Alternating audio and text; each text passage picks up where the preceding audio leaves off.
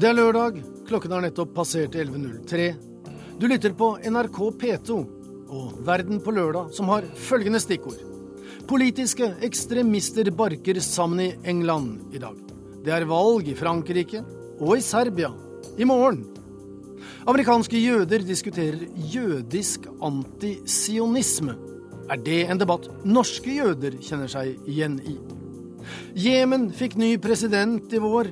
Men har landet fått ny politikk, spør Verden på lørdag, som på ekte P2-vis markerer at i morgen er et halvt år til presidentvalget i USA.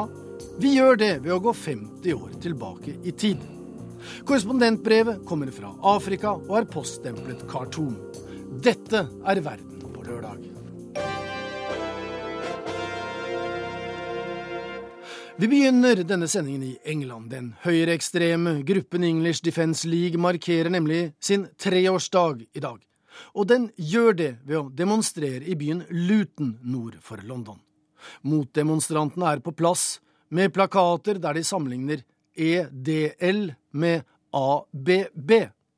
Vår korrespondent på det britiske Ørgly Blekastad Almås har møtt Steve Simmons, en av dem som stiftet English Defence League, og spurt ham om hans kjennskap til, eller bekjentskap med, Anders Behring Breivik. On July the 22nd last year, I, I spoke to the counter-terrorist police today in London, and they, they, they were keen to know when did Breivik, you know, talk to anyone in the EDL, and I've asked around for the last year, and nobody knows him. Nobody knows who Breivik is or was. So, Do you know if he's ever been to Luton? I don't know if he has. No. There's lots of rumours and stories out there, but no. no. And I've been part of the EDL for three years, and nobody's ever heard of Breivik.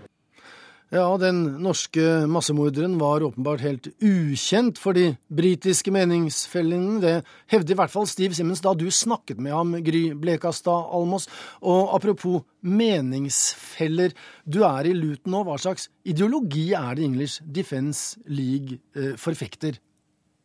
Men det er en veldig anti-islamsk uh, ideologi som uh, er så på, eller provoserende for så mange her i Luton at denne byen i dag er helt beleiret. Når jeg ser utover sentrumsgaten her nå, så er det politi på hvert eneste gatehjørne. De stiller med store styrker i et forsøk på å forhindre da at denne demonstrasjonen og motdemonstrasjonen skal ende i opptøyer i dag. Og Det igjen fører jo til store forstyrrelser for vanlige folk her i Luton, som, som eh, ikke får ta bussen fordi gatene er stengt og bussene ikke går og drosjene ikke går. og de, eh, Det er stor irritasjon over at to marginale grupperinger med noen få enkeltmennesker i spissen skal få lov til å påvirke byen, og ikke minst folks inntrykk av byen i så stor grad. For det er inntrykk de ikke kjenner seg igjen i, forteller de til oss. Ja, Vi kan dvele bitte litt ved det, fordi at man får jo ofte dette inntrykket at Luton nærmest er en slagmark. Eh, på Wikipedia så står det at Luton de siste 20 årene har vært arnested for omfattende demografiske endringer. Eh, du sier altså at eh, det er nærmest business as usual og vanlig liv for folk flest i denne byen? Ja, det er det. Dette er en, en eh, middels eh, engelsk by. Det er 200 000 innbyggere her, og av dem er 15% muslimer. Men det er klart at eh, det er altså, multikulturalisme med, med, alle sine fordeler og ulemper. Du har områder av byen hvor, hvor det bor mye flere muslimer. og Når de blir dominerende i gatebildet, så kan jo det by på problemer for Eh, engelske mennesker som bor der, som har sett at eh, deres bydel har endret seg veldig hurtig på ganske eh, dramatisk måte. Og at det blir motsetningsforhold i eh, sånne miljøer, er ikke rart. Men, eh, og, og det, det, skal man heller ikke legge skjul på. Men at det skal føre til den typen eh, Eh, retorikk og den type hatkultur er det veldig mange som opponerer mot. Og de aller fleste vi snakker med, de sier at de lever godt sammen i harmoni med alle de hundre forskjellige nasjonalitetene som er representert i denne byen. Kort til slutt, eh, Gry Blekastad Almås, du har referert til politiet i gatene. Det er ventet sammenstøt med motdemonstranter i dag? De gjør sitt beste, politiet, for å forhindre at det skal skje. De holder altså den uh, ene demonstrasjonen English Defence League Team, på den ene siden av byen. Og motdemonstrasjonen Vi er Luton, hvor det også ventes uh, antifascistiske grupperinger på den andre siden av byen. Men det er en ganske liten by, et lite sentrum. Uh, og man har sett ved tidligere anledninger at det har vært grupper som da har kommet seg ut av hoveddemonstrasjonen og likevel har klart å lage en del bråk. 1700 politimenn er innkalt fra et ganske stort område rundt Luton for å forhindre at det skjer eh, i dag. Så, så, Det er i hvert fall politiets håp. Vi får vente og se hva som skjer. Og Hva som skjer, det vil vi få vite mer om når du kommer tilbake, i hvert fall i Søndagsrevyen i morgen i NRK Fjernsynet. Takk til deg, Gry Blekastad Almås i Luton. Og vi tar spranget over kanalen til Frankrike, der den sittende presidenten nå kjemper for fem nye år i Élysée-palasset. Nicolas Sarkozy har den siste uka tatt flere steg til høyre for å tekkes velgerne som i første valgomgang stemte på det høyreekstreme partiet Nasjonal Front. Men flere av partiets ledere har varslet at de allikevel ikke vil støtte ham. Vår valgreporter i Frankrike, Hegemo Eriksen, har besøkt Sør-Frankrike. Der står Nasjonal Front sterkt. Pourquoi le Front National Parce que en fait, euh, han kjemper for å endre Frankrike på ytterste høyre fløy. Olivier Roland er glødende aktivist i det høyreradikale partiet Nasjonal Front.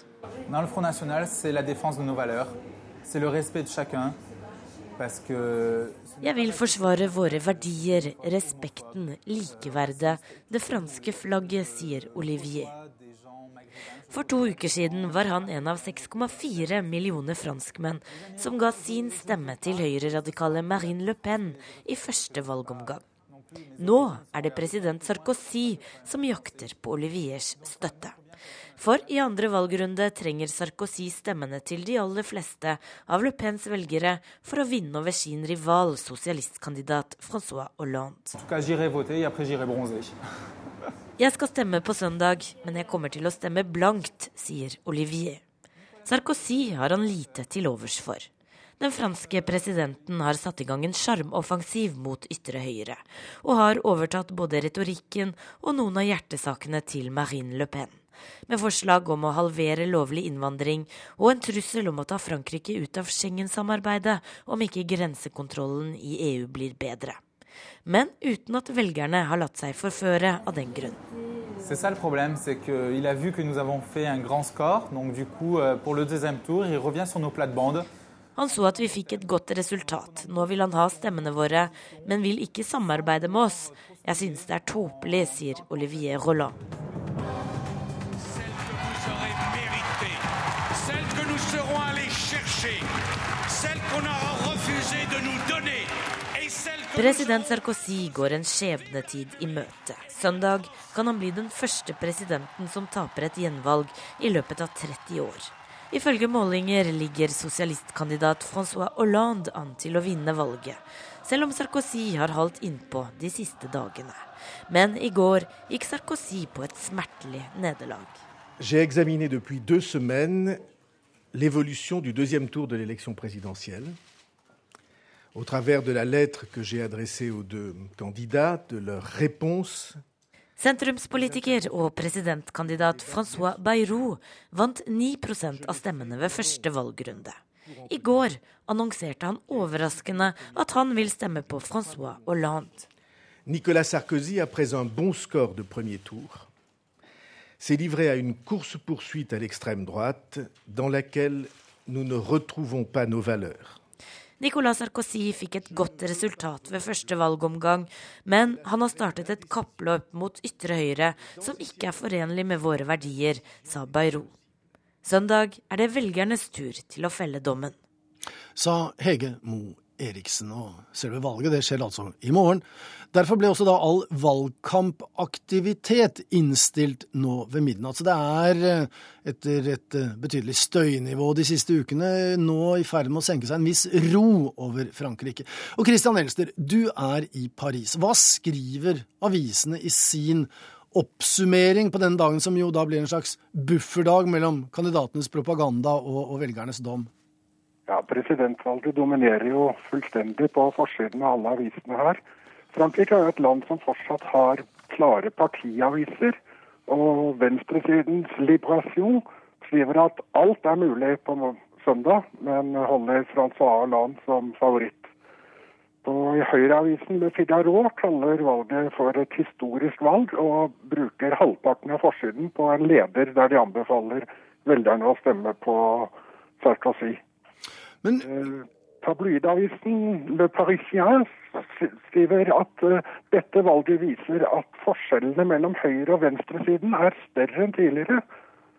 Kanskje mest interessant av alt er Arverdie Le Monde, som uh, skriver som om valget allerede er over, og forteller om et møte som er innkalt til på mandag, hvor partiet til Sarkozy skal se på hva de skal gjøre videre etter det antatte nederlaget. Og så Frankrike er jo Frankrike, så Le Monde har også to sider med debatt mellom filosofen Edgar Morin og eh, Francois Hollande. Du, eh, det er jo slik at Halvparten av velgerne fra første valgomgang de stemte jo da på andre kandidater. Og selv om det har vært eh, intenst nå de siste ukene Én ting er jo da kampen om hvem de som deltar i valget i morgen vil stemme på, i forhold til altså hvem de stemte på sist. Men er dette med hjemmesittere og ikke minst da det motsatte fremmøteprosent en faktor i denne siste avgjørende runden? Nå pleier franskmenn å stemme i stor grad. Det var nesten 80% som stemte i første valgrunde, og det pleier å være enda flere som stemmer i andre valgrunde. Det er veldig høyt for Europa. Det som er litt spennende, er at Marine Le Pen har bedt sine velgere fra første valgrunde om å stemme blankt. Om de kommer til å gå til valglokalet for å stemme blankt, eller sitte hjemme, ja, det er uh, usikkert. Ja, dette er usikkert, uh, i hvert fall i et døgn til. Når stenger uh, valgurnene i morgen, og når vil vi kunne få et foreløpig, men relativt troverdig resultat, tror du? Valglokalene i de store byene stenger klokken åtte. Og eh, to minutter over åtte så vil vi etter all sannsynlighet ha resultatet klart. Det skal være veldig tett mellom de to kandidatene for at det skal ta noe særlig lengre tid. Prognosen i Frankrike er tradisjonelt svært gode. Da venter vi til i morgen kveld. Sier takk til eh, Christian Elster i Paris. Dette er eh, helt klart årets viktigste valg. For tyskerne. Slik beskriver nemlig en ledende tysk aviskommentator det franske presidentvalget. Og selv om Tysklands største delstat, Nordrhein-Westfalen, holder valg neste helg, så er det som skjer i Frankrike i morgen, av enda større betydning for tyskerne, altså. Arnt Stefansen har sendt oss denne reportasjen fra Berlin. Hier ist das erste deutsche Fernsehen mit der Tagesschau. Tyske medier følger det franske presidentvalget med argusøyne. For etter mer enn et halvt hundre år med europeisk integrasjon er det fortsatt aksen Berlin-Paris som er bærebjelken i EU-samarbeidet. Og nå, midt i eurokrisa, er spenningen ekstra stor her i Tyskland. For mannen som er favoritt til å vinne morgendagens valg i Frankrike, har gitt signaler som vekker angst hos den tyske ledelsen. Her er europaeksperten Tanja Børtzel ved Freie Universitet her i Berlin. In Fällen, wo Staaten schon hoch verschuldet sind, når landene har skyhøy gjeld, er det en dårlig idé å sette i gang dyre statlige prosjekter for å skape nye arbeidsplasser. Og det er slike ideer Francois Hollande har lansert i valgkampen. Frankrike er jo det EU-landet som bruker mest penger via statskassa, og hvis man bruker enda mer penger, vil finansmarkedene øyeblikkelig reagere med å øke de franske statsrentene, noe som vil forsterke krisa, sier den tyske eksperten.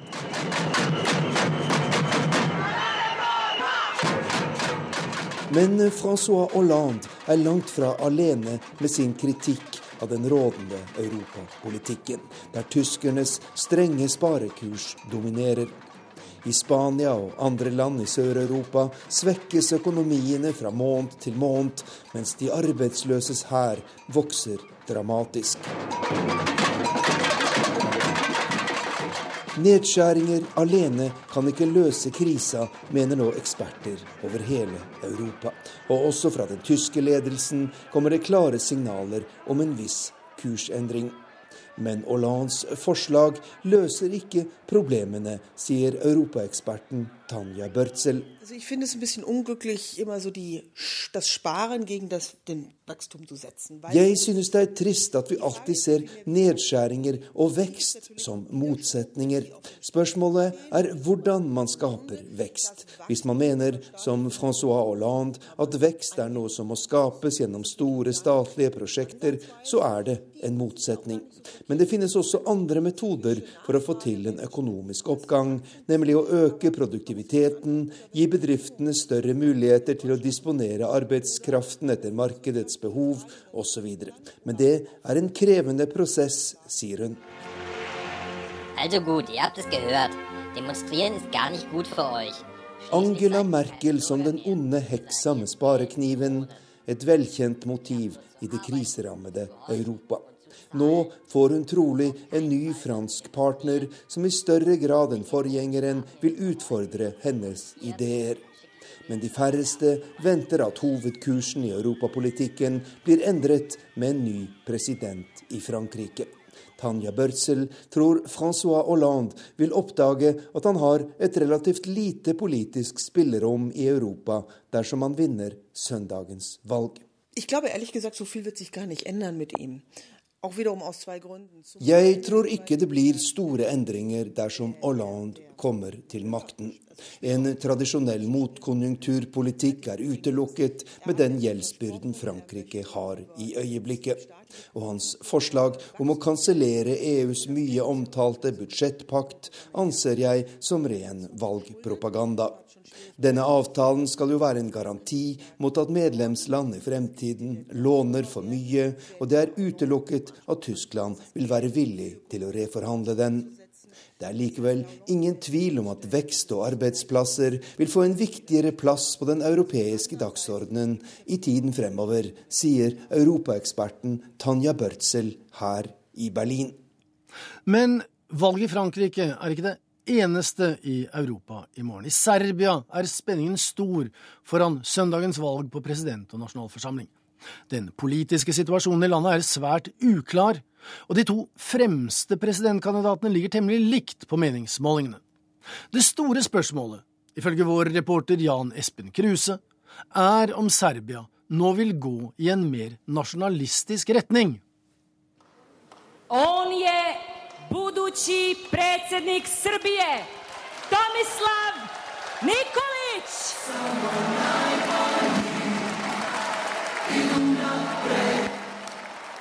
Braćo i sestre, dame i gospodo, Lederen for det høyreradikale partiet SNS, Tomislav Nikolic, entrer scenen. Han kan bli Serbias nye president. Partiet hans ligger an til å bli det største i parlamentet. Ifølge meningsmålingene vil det få om lag 33% av stemmene. Postavljena je scena za glavnu i ključnu odluku o budućnosti Srbije. Dana 6. maja sve će biti pod znakom pitanja. Scenen er klar for en nøkkelavgjørelse om Serbias framtid. På valgdagen vil det være opp til hver og en av dere å bestemme, sier Nikolic. Denne veteranen i serbisk politikk har foretatt et ganske dramatisk hamskifte. I forrige valgkamp var han en ytterliggående nasjonalist. Nå framstår han som en pragmatisk populist. Og han lover å gjøre livet bedre for alle dem som har blitt rammet hardt av overgangen fra sosialisme til markedsøkonomi. Nikolic sier også at han støtter Serbias søknad om EU-medlemskap. Bože, spasi, Bože, På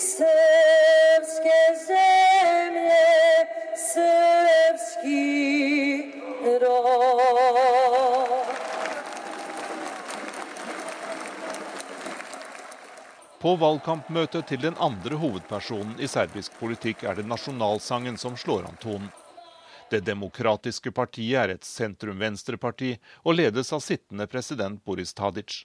Det ligger an til å få 28% av stemmene i parlamentsvalget, og blir ganske sikkert nest størst.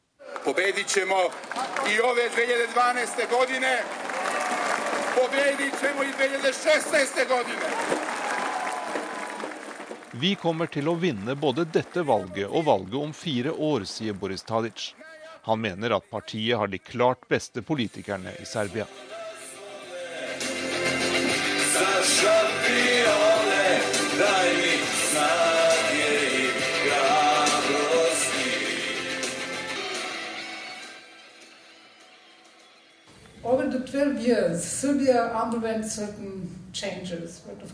På et seminar i Oslo om den politiske situasjonen i Serbia er temperaturen litt lavere enn i den serbiske valgkampen. Men også her klør ekspertene seg i hodet. De tør ikke satse pengene sine på noen av kandidatene.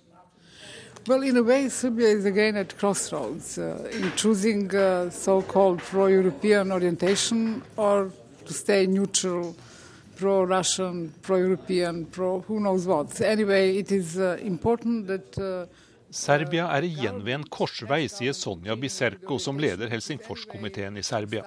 Hun håper at landet snarest mulig vil komme i gang med forhandlinger om EU-medlemskap.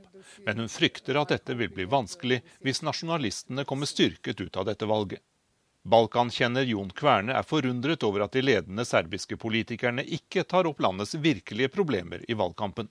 Både eh, den sittende regjeringen og opposisjonen snakker mye om, eh, om nasjonal identitet, om nasjonen. De snakker om Kosovo eh, og Bosnia Samtidig så, så, man, så, har jo Serbia veldig veldig store økonomiske problemer. De har en svak administrasjon, et rettsvesen som holder på å bli reformert eh, nå.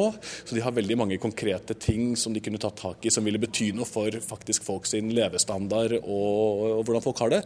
Samtidig så velger politikerne å, å legge vekt på, på det, de nasjonale spørsmålene, på forholdet til naboene osv. Som det er høyst uklart. Det er høyst uklart måte, hvorfor dette er relevant for, for, for, for menneskene i Serbia. Ole B. Lilleås fra den norske Helsingforskomiteen skal følge valget i Serbia. Og han sier at framgangen til det høyreradikale partiet til Tomislav Nikolic gir grunn til bekymring. Mange av partiene har fisket i, i populistisk eh, vann, og det har hans eh, parti også gjort. Og Det er klart at det, det er illevarslende at det politiske tyngdepunktet eh, kommer til å ligge der.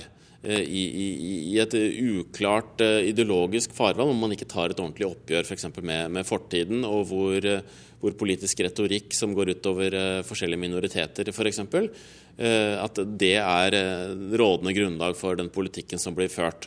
Og Det er bekymringsfullt, særlig i forhold til hans parti og partier som ligger enda, enda lenger ut på, på, den politiske siden. Men det er også bekymringsfullt ut fra hvordan man har sett retorikken fra, fra det demokratiske partiet.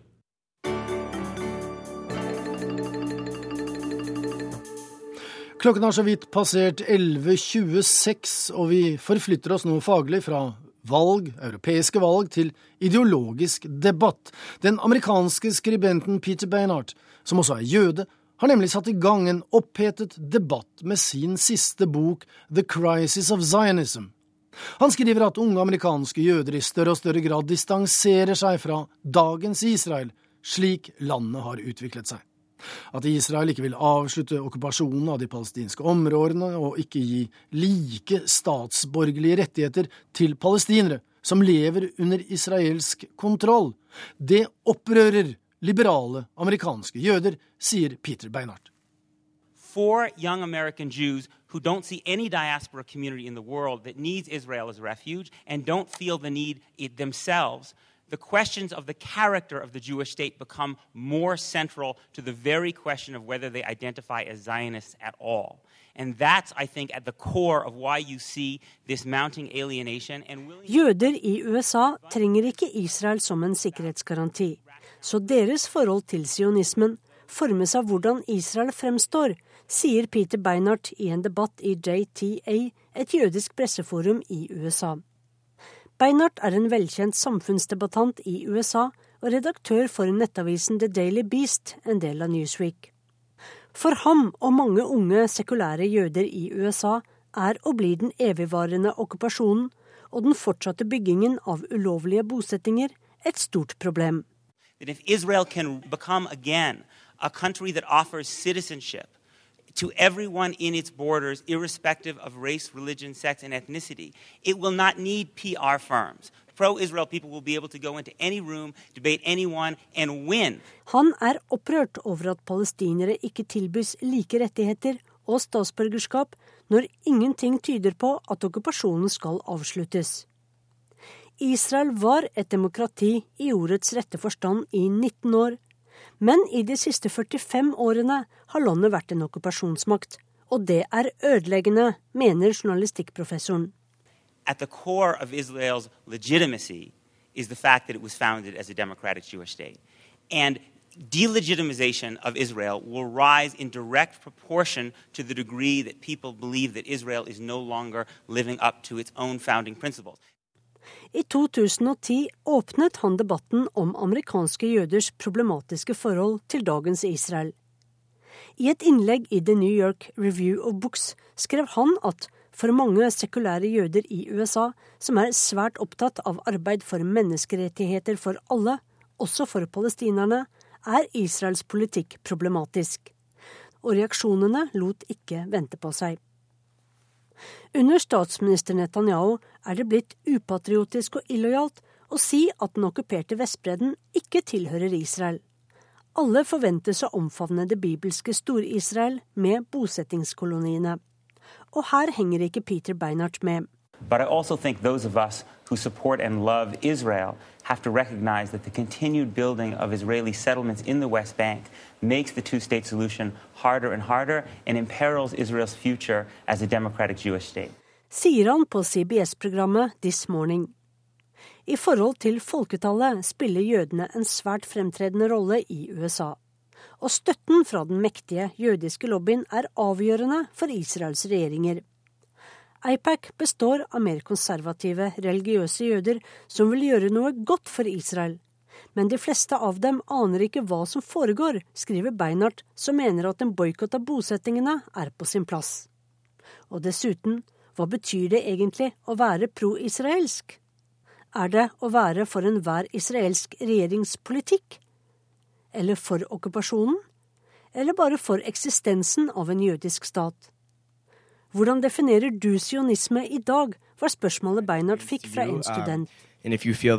this is a time when we need to redefine what Zionism means. For me, Zionism means um, a democratic Jewish state in some part of the biblical land of Israel. Uh, en jødisk stat på en del av det bibelske Israel. Uten okkupasjon, uten undertrykkelse av andre folk. Løsningen er to stater, svarte Beinart. Han har fått mye kjeft for boken 'The Crisis of Zionism Today'. Well, sometimes people take the view that you shouldn't air dirty laundry yes. in front of everybody else, mm -hmm. but I actually don't think that Men vi bør ta denne debatten, for det murrer under overflaten, sier Peter Beinart. Han har fått støtte, men mange velger å ikke si så mye. For som nobelprisvinner i økonomi Paul Krugman skriver, jeg vil ikke tenke så mye på hvor Israel beveger seg. Det står klart for meg at dagens sneversynte politikk, ført av Israels regjering, er et gradvis langsomt nasjonalt selvmord. Det er ikke bra, verken for jødene eller for verden. Men jeg har andre kamper å kjempe enn å si noe som bringer en under intense angrep fra organiserte grupper, som ser ethvert angrep på Israel som antisemittisme. Det skriver den jødiske New York Times-skribenten Paul Krugman. Og nettopp der stanser mye av debatten rundt dagens Israel. Ja, det er Cecil Wold som følger den amerikanske debatten om Israel, vennskap kontra sionismekritikk, og eventuelle beskyldninger om antisemittisme. Og Vi skal holde oss til dette temaet, men vi må ta et lite skritt eh, tilbake, fordi vår neste gjest, en av veteranene i den norske Israel-Palestina-debatten, Jan Benjamin Rødner, han er i utlandet i dag, så han hadde ikke anledning til å komme i studio. Men jeg spurte ham før han reiste om dette med støtte til staten Israel kontra støtte til de vekslende israelske regjeringers politikk. Er det et dilemma også for eh, liberale norske jøder og den interne Israel-debatten blant norske jøder? Nei, sånn oppfatter jeg det slett ikke. Eh, norske jøder vi er, eh, dekker over et stort område, eh, både religiøst og, og, politisk. Noen av oss støtter en tostatsløsning. Jeg vil tro at det kanskje er de fleste. Noen går for andre løsninger. Noen er veldig Israel-kritiske, andre er mindre Israel-kritiske. Jeg tror vi alle har et snev av Israel-kritikk i oss, norske jøder det, det ligger i den eh, jødiske måten å være på, det. Men altså, det er ikke da slik at hvis man er venn av staten Israel, så blir man også tatt til inntekt for, eller nærmest tatt som gissel for eh, f.eks. den nåværende israelske regjeringens politikk? Det er fort gjort at eh, folk gjør den kortslutningen. Eh, jeg har jo selv ledet en organisasjon med Israel for fred, og vi er veldig klare på at vi støtter ikke noen bestemt partipolitisk løsning. Vi arbeider for Israels sak, men ikke for noen bestemt parti. Og eh, man er velkommen enten man eh, stemmer Arbeiderpartiet eller Høyre, eller hvor man ligger i det politiske landskapet, enten i Norge og i Israel. Det er klart den israelske regjeringen, det er, det er, en, det er en demokratisk sak. Det israelske folket velger sine politiske ledere, og det må vi finne oss i. Du har vært eh, en aktiv debattant. Du har ingen formelle verv nå, men du har profilert deg som eh, synser i, i denne konflikten mellom Israel og Palestina helt siden eh, seksdagerskrigen og Jom Kippur. Må vi forstå at det er én Israel-debatt i Israel? Det er en helt annen og nesten isolert Israel-debatt i Norge, og at dette vi nettopp hørte, denne tredje Israel-debatten i USA, kanskje sier mer om USA og amerikanske debattformer enn nødvendigvis om, om jøders forhold til Israel generelt? Ja, det er jo spennende det der at uh, vi er så forskjellige uh, fra land til land. Og jeg tror nok at uh, veldig mange norske jøder vi er, vi er, norske i vår måte å være på og diskutere på.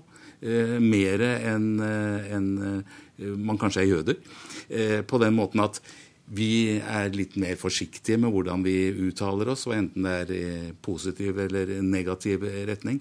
I Israel vil du ha, ha en veldig tøff debatt, hvor man med sine lungers fulle kraft eh, skriker ut om at man syns det er forferdelig hva statsministeren gjør, eller hva eh, palestinerne gjør. Eh, og det er en knalltøff debatt av den typen, eh, som, som, er og det må vi huske på, det er en eksistensiell debatt. Det dreier seg om Israels fortsatte eksistens.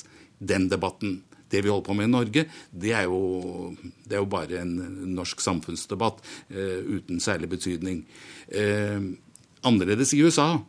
Der har de en helt annen debattform, hvor man også er ganske tøffe. Man eh, setter i kategorier. Man eh, er, bruker store overskrifter og store ord. Eh, men den tøffe debatten, den er jo der også. Og jeg kan ikke tenke meg at uh, man i en, kultur, en jødisk kultur rett og slett vil forstumme fordi at debatten er tøff. Tvert imot. Da er det folk som tar til motmæle. Det er sånn det skal være. Kort til slutt, Jan Benjamin Rødner. Det er veldig få jøder i Norge. Er dere egentlig mange nok til å kunne ha den type høyrøstet fløydebatt som man har i USA? Nei, der har du et poeng. Jeg tror, vel, Innen de jødiske menighetene så har, det, eh, så har vi ikke så voldsomme debatter. Eh, våre jødiske menigheter er på mange måter sionistiske, støtter staten Israel. Men vi gjør det fra forskjellig synsvinkel. Og vi har, eh, det er ikke sånn at eh, vi støtter én bestemt eh, regjering, enten det er sånn eller slik. Det har vi aldri gjort. Men debatten i Norge, der må vi, vi må jo hele tiden ta litt hensyn til hverandre privat. Så på norsk vis. Så vi får ikke de kraftige, tøffe debattene i Norge. Selv om du ser fra tid til annen, så ser du jo debattinnlegg i avisene. Og du ser kritiske røster, ikke minst fra det jødiske miljøet i Norge. Eh, det å se på seg selv litt utenfra, eh, se på, seg, se på man, eh, hvordan man vil være i det politiske landskapet, det er en jødisk overlevelseskultur. Det er vi nødt til. Og det er ikke noen motsetning i det Og, det at vi likevel er felles i en menighet, eller flere menigheter i Norge er, vi, vi, må, vi er så få at vi må gå sammen om å bygge vårt jødiske samfunn i Norge. Det vil si at vi må ta hensyn til hverandre også på mange områder. Både på det religiøse området og på det politiske området.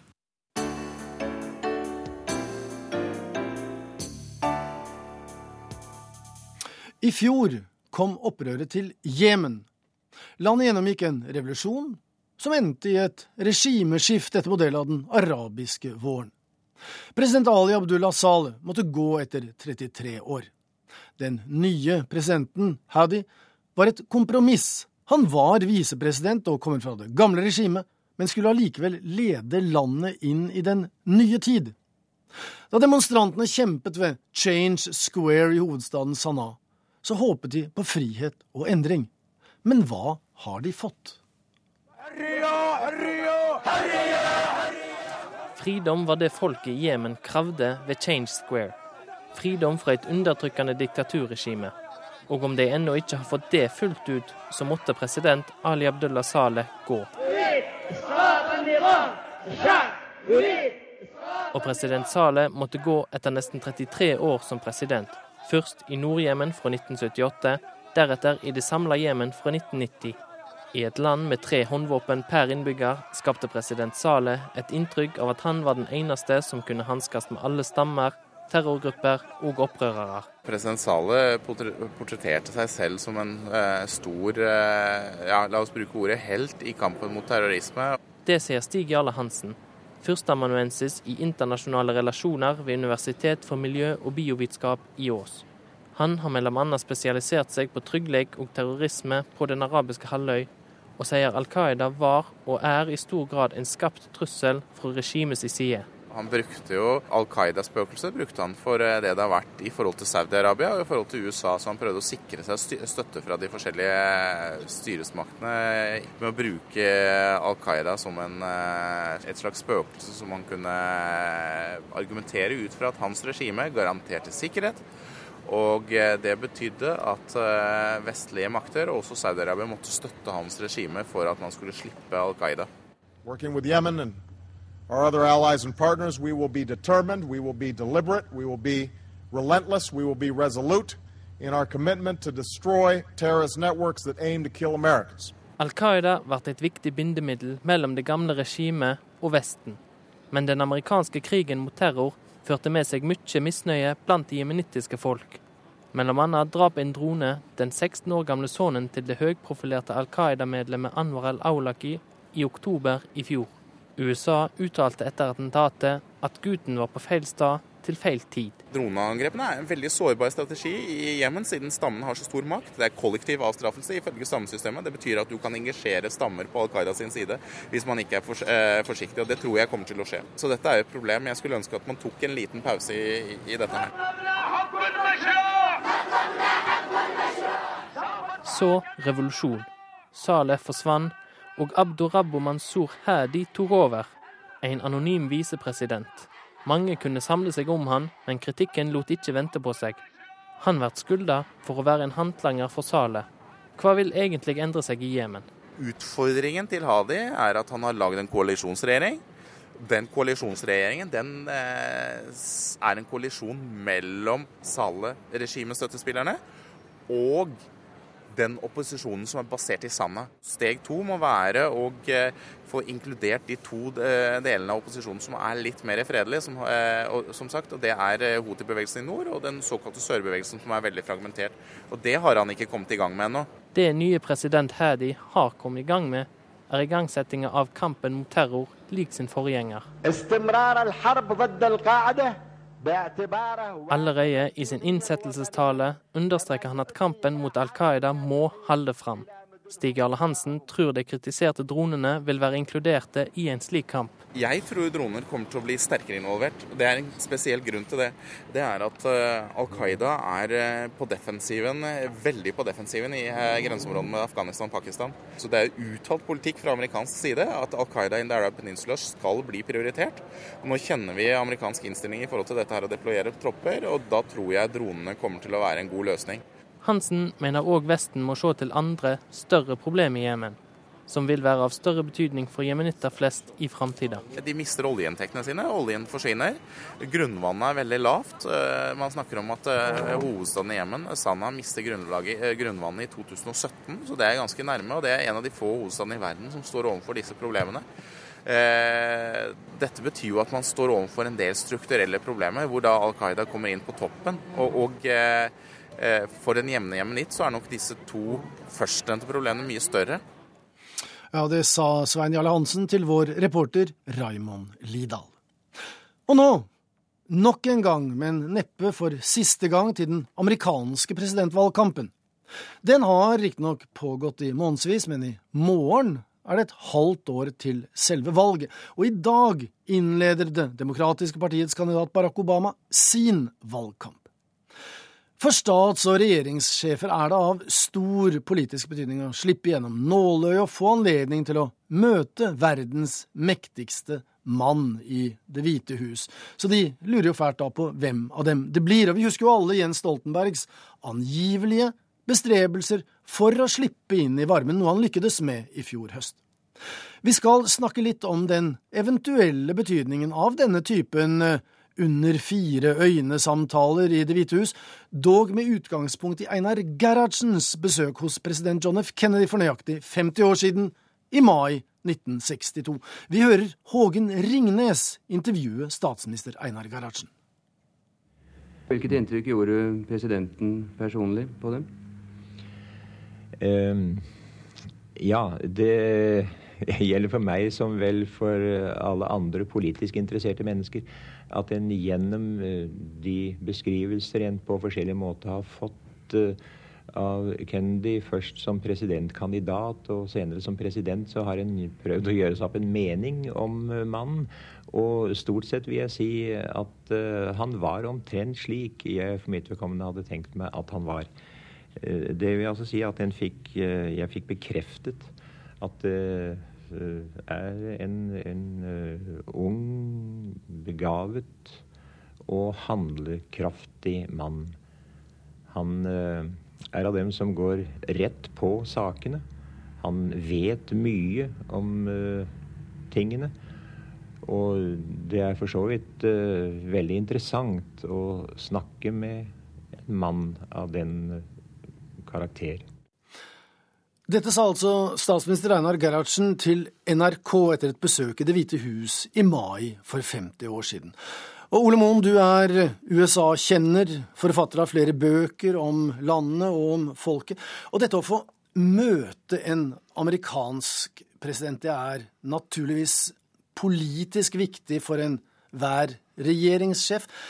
Men er det også slik, og her må du jo selvfølgelig bare spekulere, for dette kan man ikke vite, men at det også er litt personlig stas for disse mange, kanskje ikke fullt så viktige sjefene å bli mottatt av selveste sjefen i Pennsylvania Avenue 1600?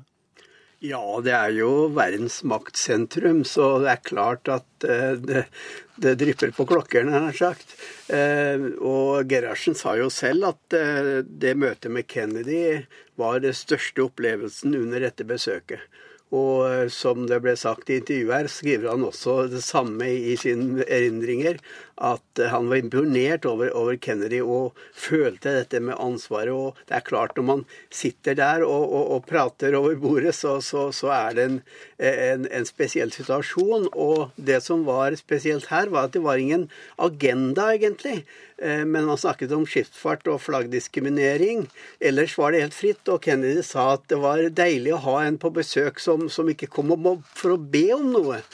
Og de kunne snakke om de store linjene i politikken. Så det var politiske diskusjoner, men de var helt fritt eh, over hele fjøla. Ja, altså, for Det er jo 192 medlemsland i FN. slik at Hvis da USAs president skulle ta imot alle, både stats- og regjeringssjefer, så fikk jo presidenten knapt nok tid til å gjøre noe annet. Men altså, nå sier du at i dette tilfellet så var det reelle politiske samtaler. Det er ikke slik at dette er mest symbolpolitikk for en fotoanledning, da? Det er både òg, selvfølgelig. Men, eh, men det, Og her var det jo da uforpliktende, kan du si, men mer filosoferinger og, og hva om utviklingen i verden ville medføre. Men under hans første besøk med Truman så var det jo ganske konkrete, konkrete politiske forhandlinger. Men det var jo da tidlig i Nato-perioden, slik at det var kanskje viktigere av den grunn. Nå kan vi si at det er forholdsvis høy terskel da, for å komme inn i det ovale kontor. Eh, statsminister Bondevik ble jo invitert til George W. Bush, mens statsminister Stoltenberg ble ikke det. Er det slik at USA benytter disse invitasjonene, disse photo-opportunities, eh, til å sende små politiske signaler til, til nasjoner som enten eh, ikke har vært så snille, eller vært så snille som det USA vil ha dem til? Uh, her varierer administrasjonene ganske mye, og presidentene. Uh, og det er ikke noe tvil om at Bush-administrasjonen var veldig klar på den måten. At man snakket med sine venner og de som var på parti, uh, og var ganske restriktiv overfor andre. Det er altså man møter da ikke bare presidenten. Eh, at reportere også er ute etter litt mer private og personlige opplevelser, det er jo ikke noe nytt. Vi skal høre nok en gang da på Hågen Ringnes for 50 år siden, da han spurte Gerhardsen om, om mannen bak maktmennesket John F. Kennedy. Og han har vel også en ganske stor personlig sjarm, vil jeg tro. Sånn virker det iallfall.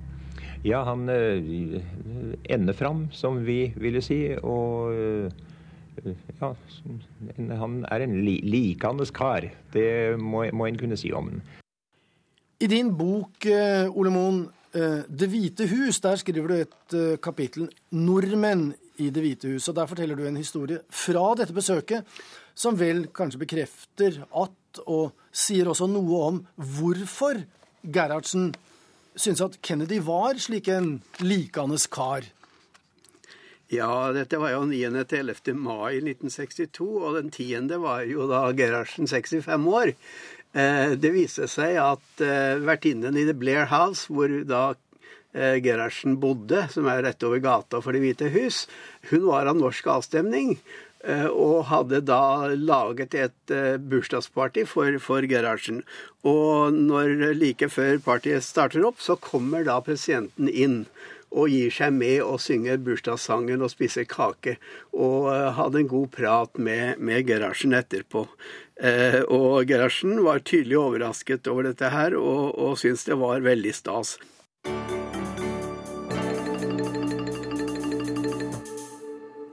Da er vi kommet frem til korrespondentbrevet. Å være NRK Korrespondent er i all hovedsak et privilegium og en flott jobb, men ikke alltid, skal man tro Afrikakorrespondent Lars Sigurd Sunna nå, som forsøkte å holde motet oppe da han forleden ikke følte seg spesielt privilegert. Ut på tur, aldri sur. Hvem som først lanserte utsagnet i NRK, vet jeg ikke. Men det er blitt en slags grunnregel for oss journalister og fotografer når vi skal ut på reportasjereiser enten hjemme eller ute i den store verden. Mer enn én gang har det likevel røynet hardt på å holde humøret oppe.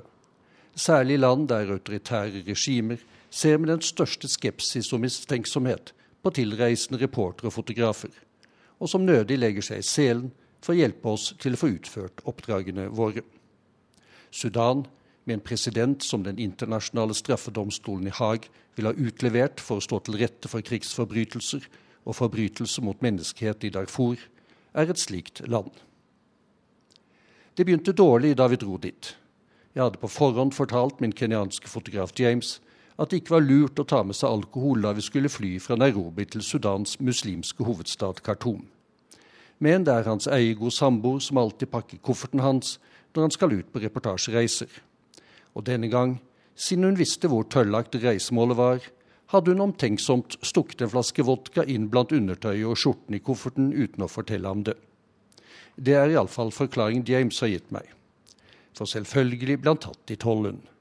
Alt vi kom med av bagasje og utstyr, ble endevendt etter at vi utpå kvelden hadde landet på den internasjonale flyplassen i Khartoum. Med alvorlig mine løftet en av tollerne vodkaen i været og ba James følge ham ut til nærmeste toalett. Jeg tillot meg å spørre om det var nødvendig, Men regler er til for å følges i Sudan. Synderen skulle selv påse at de velmente, men forbudte dråpene ble helt ut. På flyplassen var vi blitt møtt av en tjenestemann fra informasjonsministeriet i Khartoum. Jeg skjønte på ham at det ikke var første gang utenlandske journalister og fotografer hadde havnet i samme situasjon. Også de hadde måttet bli med på toalettet med taxfree-posene sine. Men så lenge de var utlendinger og ikke sudanere, var det ikke snakk om ytterligere reaksjoner. Heller ikke for James. I drosjen på vei til hotellet kunne både han og jeg puste lettet ut etter å ha fått beskjed fra informasjonsministeriets tjenestemann om at vi var ventet der neste morgen, og at vi ikke måtte begynne vårt journalistiske arbeid før vi hadde fått de nødvendige pressekort og tillatelser i tråd med myndighetenes bestemmelser. Kontoret for utenlandske journalister og korrespondenter i Informasjonsministeriets avdeling for ekstern kommunikasjon holder til i tredje etasje i en grå murbygning som har sett sine beste dager i sentrum av Khartoum. Der stiller James og jeg fulle av optimisme for å få våre pressekort og arbeidstillatelser. Vi har fått med oss en fikser, som det heter på fagspråket vårt, en arabisk frilansjournalist som kjenner byen og har kontakter, og som kan være tolk for oss.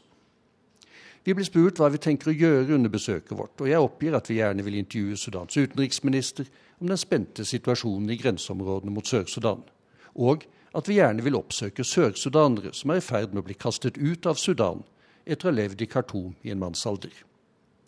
Tillatelse til det siste kunne vi bare glemme, fikk jeg en klar forståelse av. Men en avtale med utenriksministeren skulle kontorets tjenestemenn prøve å få til. Og i mellomtiden var det greit at vi besøkte et militærsykehus i byen. Der skulle en av Sudans ledende politikere komme på besøk for å ønske sårede soldater god bedring. Soldatene var fløyet inn fra grenseområdene i sør etter harde kamper i og rundt Sudans store oljefelt Higlig. Så vi dro til militærsykehus og fikk filme, men ikke snakke med soldatene. Politikeren Sadiq al-Mahdi derimot stilte mer enn gjerne opp. Han hadde vært statsminister i Sudan, blitt styrtet i et statskupp for mer enn 20 år siden, og var nå i opposisjon til president Omar al-Bashir og hans regime. Men akkurat nå støttet han regjeringens håndtering av krigshandlingene i sør. Det måtte vi få med oss. Ute av militærsykehuset fortalte jeg fikseren vår at vi så gjerne ville dra til Omdurman og gjøre opptak på det store arabiske markedet i dette historiske kultur- og handelssenteret. Byen med sine 2,5 millioner innbyggere ligger på vestbredden av Nilen, rett overfor Khartoum, og blir av mange sudanere regnet som landets virkelige hovedstad. Den er full av historie. Det var her Sudan ble etablert som en egen stat for første gang. Det skjedde i 1885 etter at Madin, Mohammed Ahmad ibn Abdallah, og hans islamske tilhengere nedkjempet en britisk-egyptisk garnison og drepte britenes nasjonalhelt, general Charles George Gordon, hvis hodet ble satt på en stake etter han var blitt drept. Madins grav, opprinnelig fra 1895, ligger i Omdurman, men den ble ødelagt av en annen britisk general og nasjonalhelt, Horatio Herbert Kitchener. Han ledet en egyptisk hærstyrke og beseiret madisten i et stort slag utenfor Omdurman i 1898, og ble som kjent senere Storbritannias forsvarsminister under den første verdenskrig. I 1947 ble Madins grav gjenoppbygd, og jeg tenkte det kunne være interessant å dra nettopp til Omdurman og fange opp det historiske suset i en av våre reportasjer. Men nei. Det går ikke, sa fikseren vår. Hvorfor ikke? Vi har ikke filmtillatelse. Så jeg ringer vår tjenestemann ved kontoret for utenlandske journalister og korrespondenter i avdelingen for ekstern kommunikasjon i Informasjonsministeriet. Men det er ikke snakk om å få den nødvendige filmtillatelsen på rappen. Kanskje kan han klare det i morgen. Kom innom når vi åpner, sier han. Det er 28 grader i skyggen idet vi setter oss i bilen og drar til Informasjonsministeriet neste morgen. Vi blir vennlig og høflig mottatt, og vår tjenestemann har en gladnyhet i ermet. Han har søkt om en emergency permit, en nødtillatelse for oss, slik at vi kan få filme og intervjue folk på markedet om Doman. Han har stor tro på at den vil gå igjennom. Vi setter oss i en slitt skinnsofa og venter og håper på at tillatelsen kommer før det blir for varmt i Omdurman. Dagen før viste temperaturmåleren i bilen vår 48 grader på det høyeste, mens vi kjørte rundt i Khartoum på sightseeing uten å kunne gjøre opptak. På turen hadde de fått med oss Khartoums nye landemerke. hotellet Burj Al Fatah, formet som et egg i glass og stål der det rager i været. På folkemunne kalles det håndgranaten, og står der til minne om Libyas falne diktator Muammar Gaddafi. Det tok åtte år å bygge hotellet, og da det sto ferdig i 2008, hadde det kostet et av Gaddafis selskaper mer enn 1 milliard kroner. Men filme det, kunne vi altså ikke. Ikke prøv, sa fikseren vår. Sikkerhetstjenesten har folk overalt i Khartoum.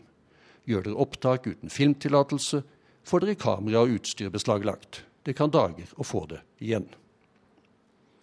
Etter to og en halv time i skinnsofaen får vi beskjed om at vi kan dra på hotellet og komme tilbake etter lunsj. Det går fremover med søknaden om emergency permit, men mannen som har det riktige stempelet i sikkerhetstjenesten, er ikke der, forklarer vår velvillige tjenestemann i kontoret for utenlandske journalister og korrespondenter i Informasjonsministeriets avdeling for ekstern kommunikasjon. Når vi kommer tilbake til ham etter lunsj, er det blitt 36 grader i skyggen i Khartoum og omdoman. Nødtillatelsen er ennå ikke på plass. IBM Sudan, sier fikseren vår med et flir. I for inshallah, om Gud vil. B for Bukra, i morgen. Og M for Malish. Det spiller ingen rolle, du skal ikke bekymre deg. Underforstått, det går ikke. Men når enda en time er gått i skinnsofaen, kommer gladnyheten. Tillatelsen til å filme skal være stemplet. Nå gjelder det bare å få den over fra sikkerhetstjenesten, og det kan ta litt tid. Klokken blir fem på ettermiddagen før vi endelig kan dra til det arabiske markedet. Med oss har vi fått en oppasser fra sikkerhetstjenesten. Og det stemplede brevet som gir oss tillatelse til å jobbe på markedet. Men ingen andre steder i byen. Tillatelsen gjelder bare i to timer. Vi må forte oss. Det er 45 grader i skyggen når vi kan begynne å gjøre våre opptak i Omdoman. Men ut på tur, aldri sur sa Lars Sigurd Sunnano. Til slutt en liten beriktigelse, for da jeg tidligere i sendingen snakket med London-korrespondent Gry Blekastad Almås om dagens demonstrasjoner i Luton, så kom jeg i skade for å si at man får se mer om dette i Søndagsrevyen i morgen.